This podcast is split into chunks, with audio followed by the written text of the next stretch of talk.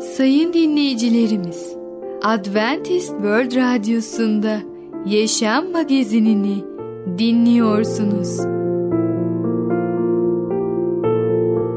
Yaşam Magazinine hoş geldiniz. Önümüzdeki 30 dakika içerisinde sizlerle birlikte olacağız. Bugünkü programımızda yer vereceğimiz konular Gerçek Bilim, Küçük Prens'i okumaya başlayalım, Kahyalık.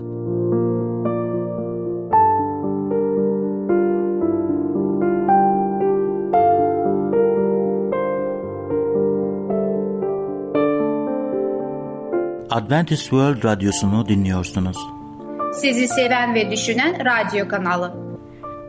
Sayın dinleyicilerimiz, bizlere ulaşmak isterseniz e-mail adresimiz radio.umutv.org radio.umutv.org Bizlere WhatsApp yoluyla da ulaşabilirsiniz. WhatsApp numaramız 00961 357 997 867 06 00961 357 997 867 06 Merhaba değerli dinleyicimiz. Ben Tamer. Başarılı Yaşam programına hoş geldiniz. Bugün sizlere gerçek bilim hakkında konuşacağız. İlk önce Eyüp 26 7. ayeti okumak istiyorum. O boşluğun üzerine kuzey göklerini yayar, hiçliğin üzerine dünyayı asar. Kutsal kitabın doğru olduğunu nereden bilebilirim? Birçok insanın sorduğu soru budur. Bunu bilmenin birkaç yolu vardır. Özellikle de içeriğini gözlemleyip yazılmış olduğu süreyi düşünün. Kutsal kitap bir bilim kitabı olarak yazılmamıştır. Ama bilimsel olarak doğrudur. Christopher Columbus'un zamanında insanlar dünyanın bir tabak gibi düz olduğunu düşünüyorlar. Kenardan düşmesinler diye okyanusta fazla açılmaya korkuyorlardı. Ferdinand Magellan dünyanın etrafını gemiyle dolaşarak bu teorinin yanlış olduğunu kanıtlamıştı. O zamandan beri insanlar uzaya uydular ve aya içinde insan olan uzay gemileri gönderdiler. Bunlar aracılığıyla resimler çekerek yeryüzünün neye benzediğini kendileri gördüler. Tanrı bütün bunları kendi sözünde çok uzun bir süre önce bildirmişti. Yeşaya dünya dairesi üzerinde oturan odur diyerek yeryüzünün yuvarlak olduğu fikrini vermişti. Tanrı Yeşaya'nın dünyanın yuvarlak olduğunu bildirmekle kalmamış, ondan daha uzun yıllar önce Eyüp peygamber aracılığıyla konuşarak o boşluğun üzerine kuzey göklerin yayar, hiçliğin üzerine dünyayı asar demişti. Bizler Eyüp ve Yeşaya'nın günümüzdeki insanların sahip olduğu araçlara sahip olmadıklarını biliyoruz. Binlerce yıl önce yaşamış oldukları halde bir aletten çok daha fazlasına Tanrı'ya yeri ve göğü yaratan her şeyi bilen Tanrı'ya sahiptiler. Bu yüzden bu ve yazılmış olan diğer ayetleri ve kutsal kitaptan bilimsel gerçeklere uyum içinde olduğunu düşündüğümüzde bunlar kutsal kitabın doğru olduğu hakkında bize güvence verir. Sizce kutsal kitap gerçekten Tanrı'nın sözü mü? Bu Hristiyan aleminde bile tartışılan bir konu. Örneğin 2014'te Amerika Birleşik Devletleri'nde yapılan bir Gallup anketine göre Hristiyanların büyük çoğunluğu kutsal kitabın Tanrı ile bağlantılı olduğunu düşünüyor. Öte yandan ankette katılanların yaklaşık beşte birine göre kutsal kitap insanların yazdığı eski masallardan, efsanelerden, hikayelerden ve kurallardan ibaret. Bu çelişkili görüşler nedeniyle kutsal kitap için kullanılan Tanrı'nın esinlemesi, ilhamı ifadesinin gerçekten ne anlama geldiğini bakmak için şimdi hep birlikte düşünelim. Tanrı'nın esinlemesi ve ilhamı ifadesi acaba ne anlamına geliyor? Kutsal kitabın içinde 66 kitap 1600 yıl aşkın bir sürede yaklaşık 40 kişi tarafından yazıldı. Peki kutsal kitap insanlar tarafından yazıldığı halde nasıl Tanrı esinlemesi olabilir? Basitçe ifade etmek gerekirse Tanrı'nın esinlemesi demek bu kitaptaki bilginin kaynağı Tanrı demektir. Kutsal kitap bunu şöyle açıklar. İnsanlar kutsal ruhun yönlendirilmesiyle Tanrı'dan aldıklarını aktarmışlardır. 2. Petrus 1. bölüm 21. ayet. Başka sözlerle Tanrı kutsal ruh aracılığıyla mesajını kutsal kitap yazarlarına iletmiştir. Bu bir iş adamının sekreterine mektup yazdırması gibidir. Mektubun asıl yazarı sözleri kaleme alan sekreter değil, iş adamıdır.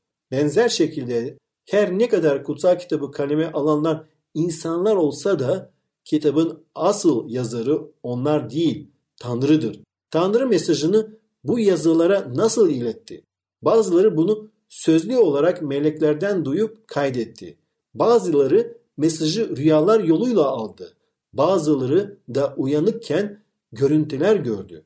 Tanrı bazen yazarların mesajı kendi sözleriyle ifade etmesine izin verdi. Bazen de mesaj kelime kelime yazdırdı. Her durumda yazarlar kendi düşüncelerini değil, Tanrı'nın düşüncelerini aktarmış oldular. Kutsal kitap yazıların gerçekten Tanrı'nın düşüncelerini aktardığını hep birlikte okuduğumuzda anlayacağız.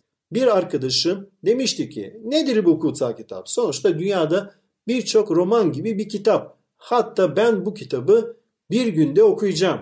Ve kendisi gerçekten hızlı okuma yöntemleri kullanarak kutsal kitabı baştan sona kadar bir günde okudu. Sonra ona sorduğumda ne anladın sen bu kitaptan? Samimi bir şekilde ben bu kitabı o kadar hızlı okudum ki hiçbir şey anlamadım. Demek ki kutsal kitap böyle roman gibi hızlı bir şekilde okunması için verilen bir kelam bir kitap değildir. Onu yavaş yavaş dua ederek, yalvararak, Allah'tan bilgilik isteyerek okumamız gerekiyor. Bu kitap kendi kendini açıklıyor. Bu kitap aslında Tanrı'nın esinlemesi olduğu için Tanrı kendi esinlemesini, kendi iradesini kutsal kitapta açıklıyor. Ve böylece Allah'ın bizimle ilgili mesajını, sözlerini öğrenmiş oluyoruz. Peki bu sözleri, bu kelime okuduktan sonra ne yapacağız? Tabii ki şöyle diyebiliriz. Aa, bu sözler şu peygambere aittir, şu kişiye aittir. O sözler onu ilgilendirir. Ama aslında unutmayalım ki Yüce Allah asıl bu kitabın yazarıdır. Dolayısıyla orada okuduğum gerçekler, prensipler, emirler, buyruklar Yüce Allah'ın bize verdiği buyruklardır. Dolayısıyla ben o sözlere uymamazlık yapmamam gerekiyor. Tam tersine Allah'a itaat etmem lazım. Onun sözünü okumam lazım ve ona göre yaşamam gerekiyor. Allah'a kalbimizi açalım ve birinci eri ona teslim edelim. O bizim rehberimiz olsun. O bizi mutlu yarınlara götürsün. Onun yardımıyla başarılı dolu bir iman yaşamı sürdürebilirim. Çünkü biliyorum ki Allah sevgi dolu bir yaratıcıdır ve herkesin tövbeye gelip yaşamamız için ona gelmemizi istiyor. Değerli dinleyicimiz, bugün gerçek bilim hakkında konuştuk. Bir sonraki programda tekrar görüşmek dileğiyle hoşça kalın.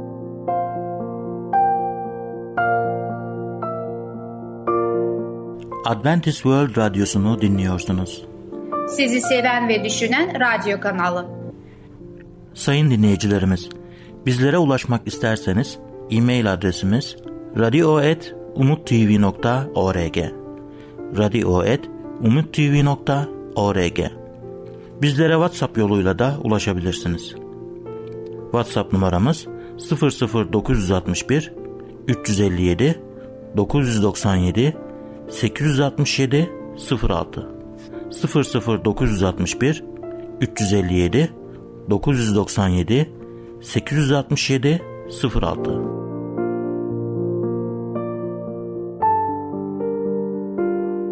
Merhaba çocuklar. Çocuk Hikayeleri programımıza hoş geldiniz. Ben Fidan. Bugün sizlere dünyaca ünlü Küçük Prens okumaya başlayacağım. Okumalar seri şeklinde devam edeceği için bu programı kaçırmayın. Eğer Küçük Prens kitabı sizde de varsa haydi elinize alın ve resimlere bakarak birlikte okuyalım. Öncelikle kitap hakkında biraz sohbet edelim. Küçük Prens dünyada başka dilleri en çok çevrilen üçüncü kitap. Aynı zamanda Fransa'da 20. yüzyılın en iyi kitabı olarak seçilmiş.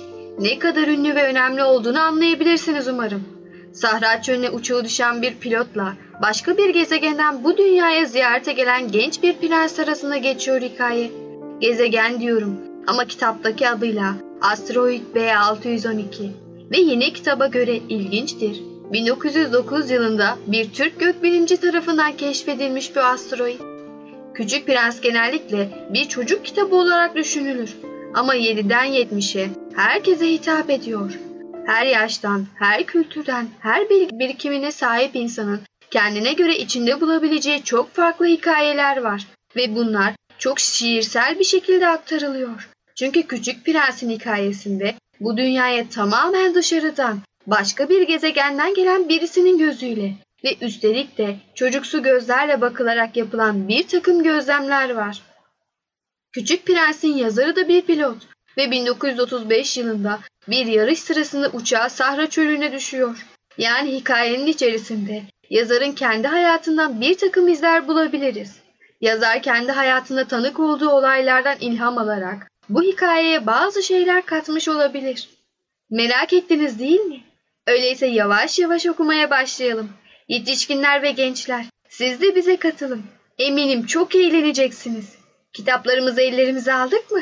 Şöyle bir açalım bakalım. Aa, yazarın bize bir mesajı var. Ondan başlayarak okumaya ne dersiniz? Leon Wörth'e bu kitabı bir büyüye sunuyor olmamdan dolayı çocuk okurlarımın beni hoş görmelerini dilerim. Bunu yapmamın çok ciddi bir nedeni var. O, benim dünyadaki en iyi arkadaşım.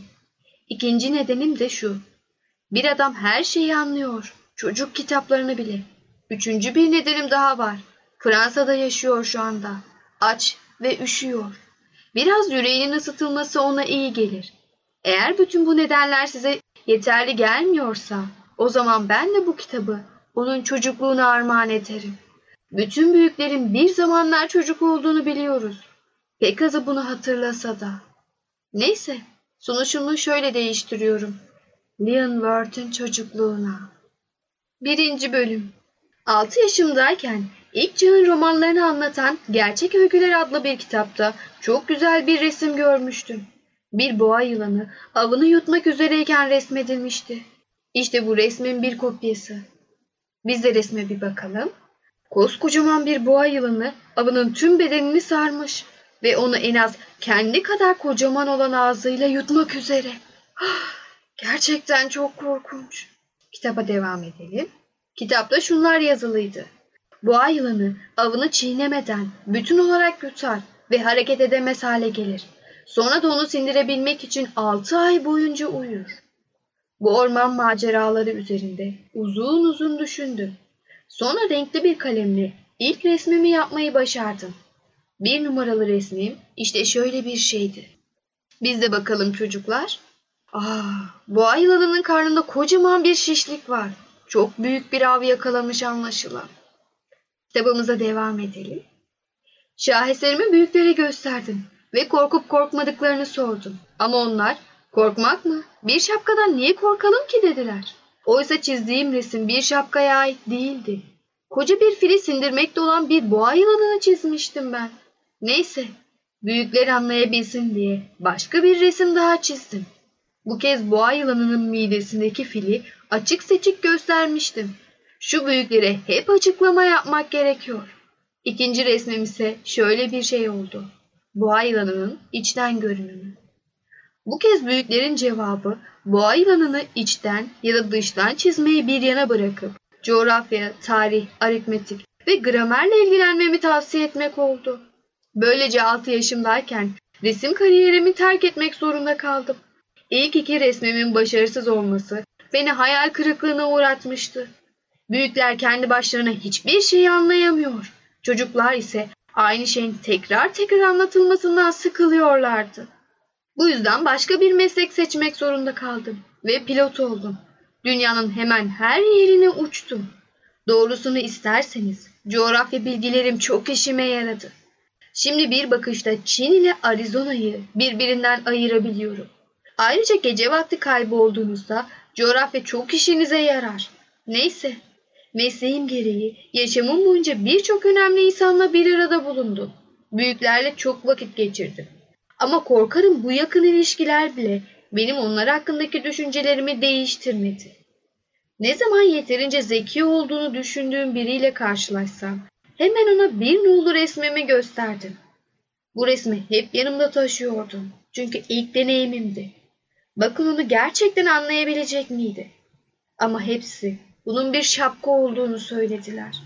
Bu yüzden ben de bu hayranlarından, ilk çağdaki ormanlardan ya da yıldızlardan bahsetmeyi bırakıp onların seviyesine indim.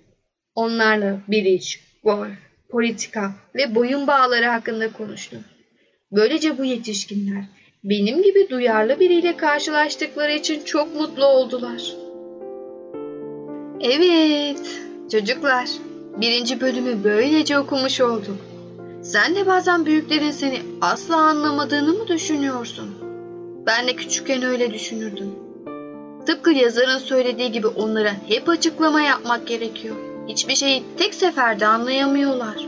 Gerçekten çok garip. Senin de resimlerin tıpkı yazarın gibi büyükler için çok mu garip geliyor? Yine de asla resim yapmaktan veya şarkı söylemekten veya başka herhangi bir şey yapmaktan vazgeçme. Büyükleri de anlamak için çok fazla kafa yorma. Nasılsa sen de bir gün yetişkin olacaksın. Ama yetişkin olsan bile içindeki bu güzel çocuğu asla öldürme. Aynı zamanda derslerini de ihmal etme. Bir sonraki programımızda tekrar görüşene kadar hoşça kalın ve çocukça kalın.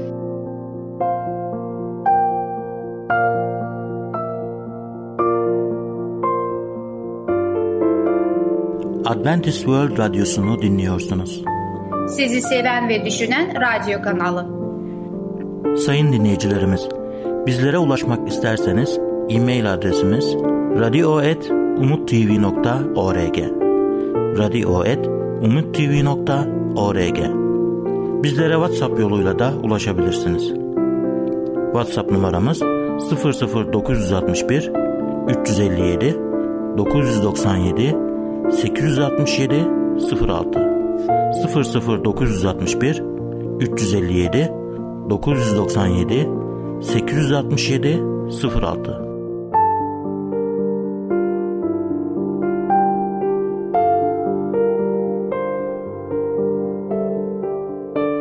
Sevgili dinleyici merhabalar. Ey Babalar programıyla sizlerle birlikte olmaktan mutluluk duyarım. Ben Ketrin. Bugün size konuşmak istediğim konunun ismi kahyalık. Bu programda paradan fazla söz etmeyeceğim bile. Çocukların başka şeylere bakma konusunda öğrendikleri şeyler parayı kullanış biçimlerini etkileyecektir. Eğer kendilerine her zaman daha çok oyuncak ve kitap alınacağını düşünerek büyüyorlarsa kitaplarını üzerine basacaklar ve oyuncaklarını her tarafa atacaklardır.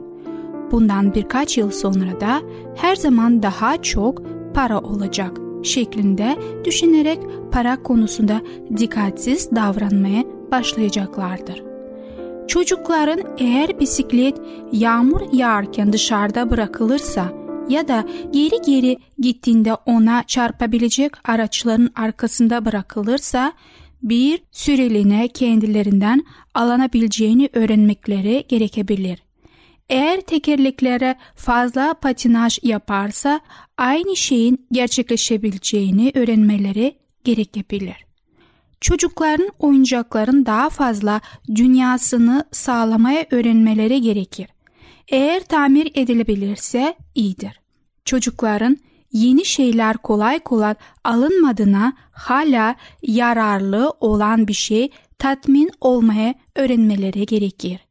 Bu tür bir bakış açısı hayat onlar için çok yararlı olacaktır. Aynı ilki çocukların araçlar ve aletleri kullandıkları zamanlar içinde geçerlidir.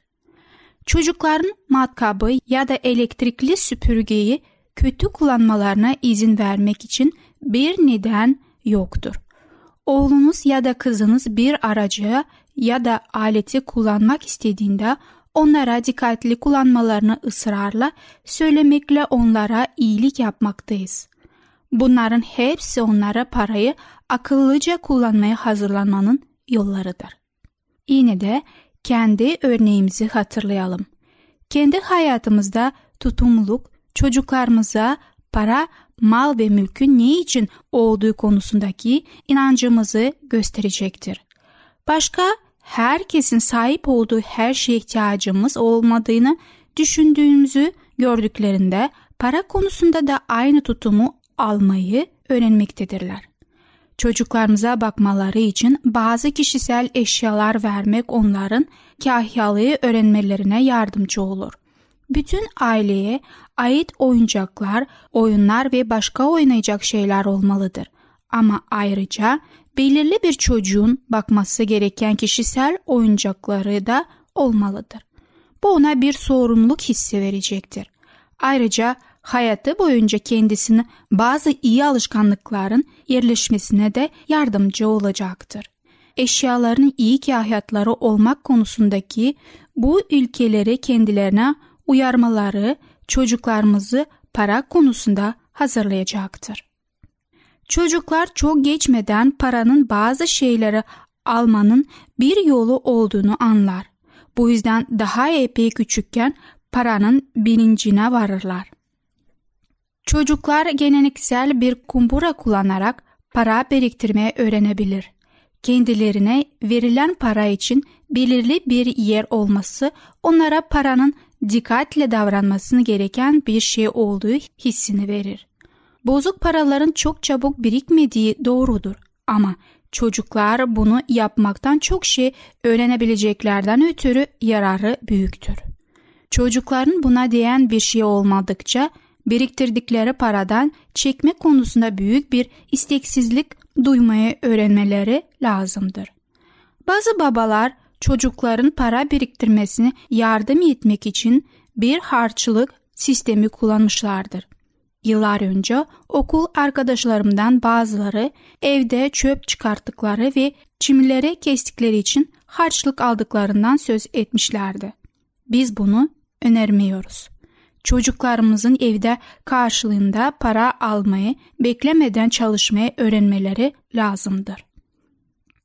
Eğer bir harçlık veriliyorsa bu harçlık sadece çocukların paraya sahip olup onunla ne yapmaları gerektiğini öğrenmeleri için verilmelidir.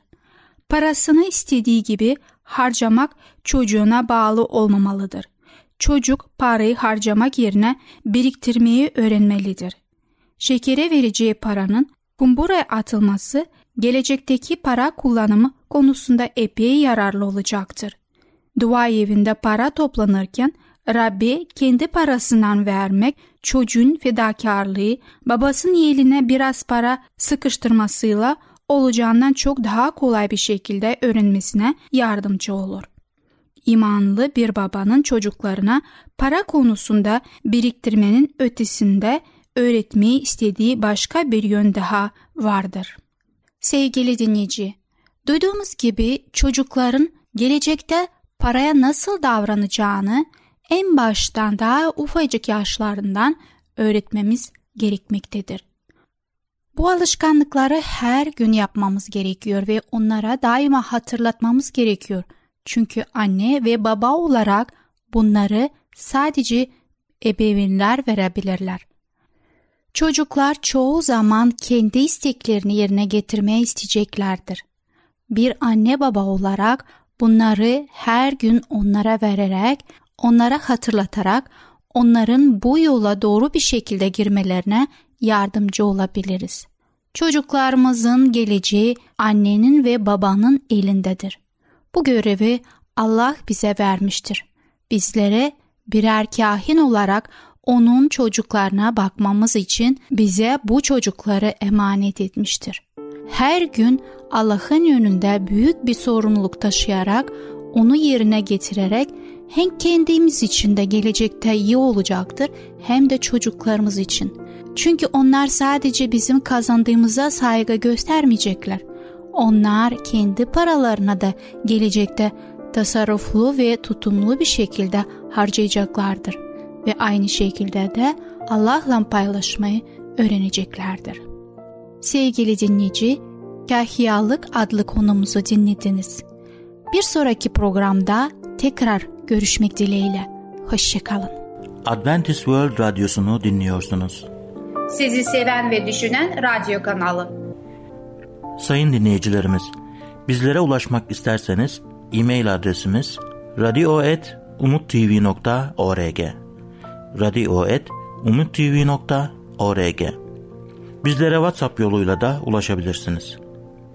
WhatsApp numaramız 00961 357 997 867 06 00961 357 997 867 06 Gelecek programımızda yer vereceğimiz konular ruhsal keder, yağlar, vermek.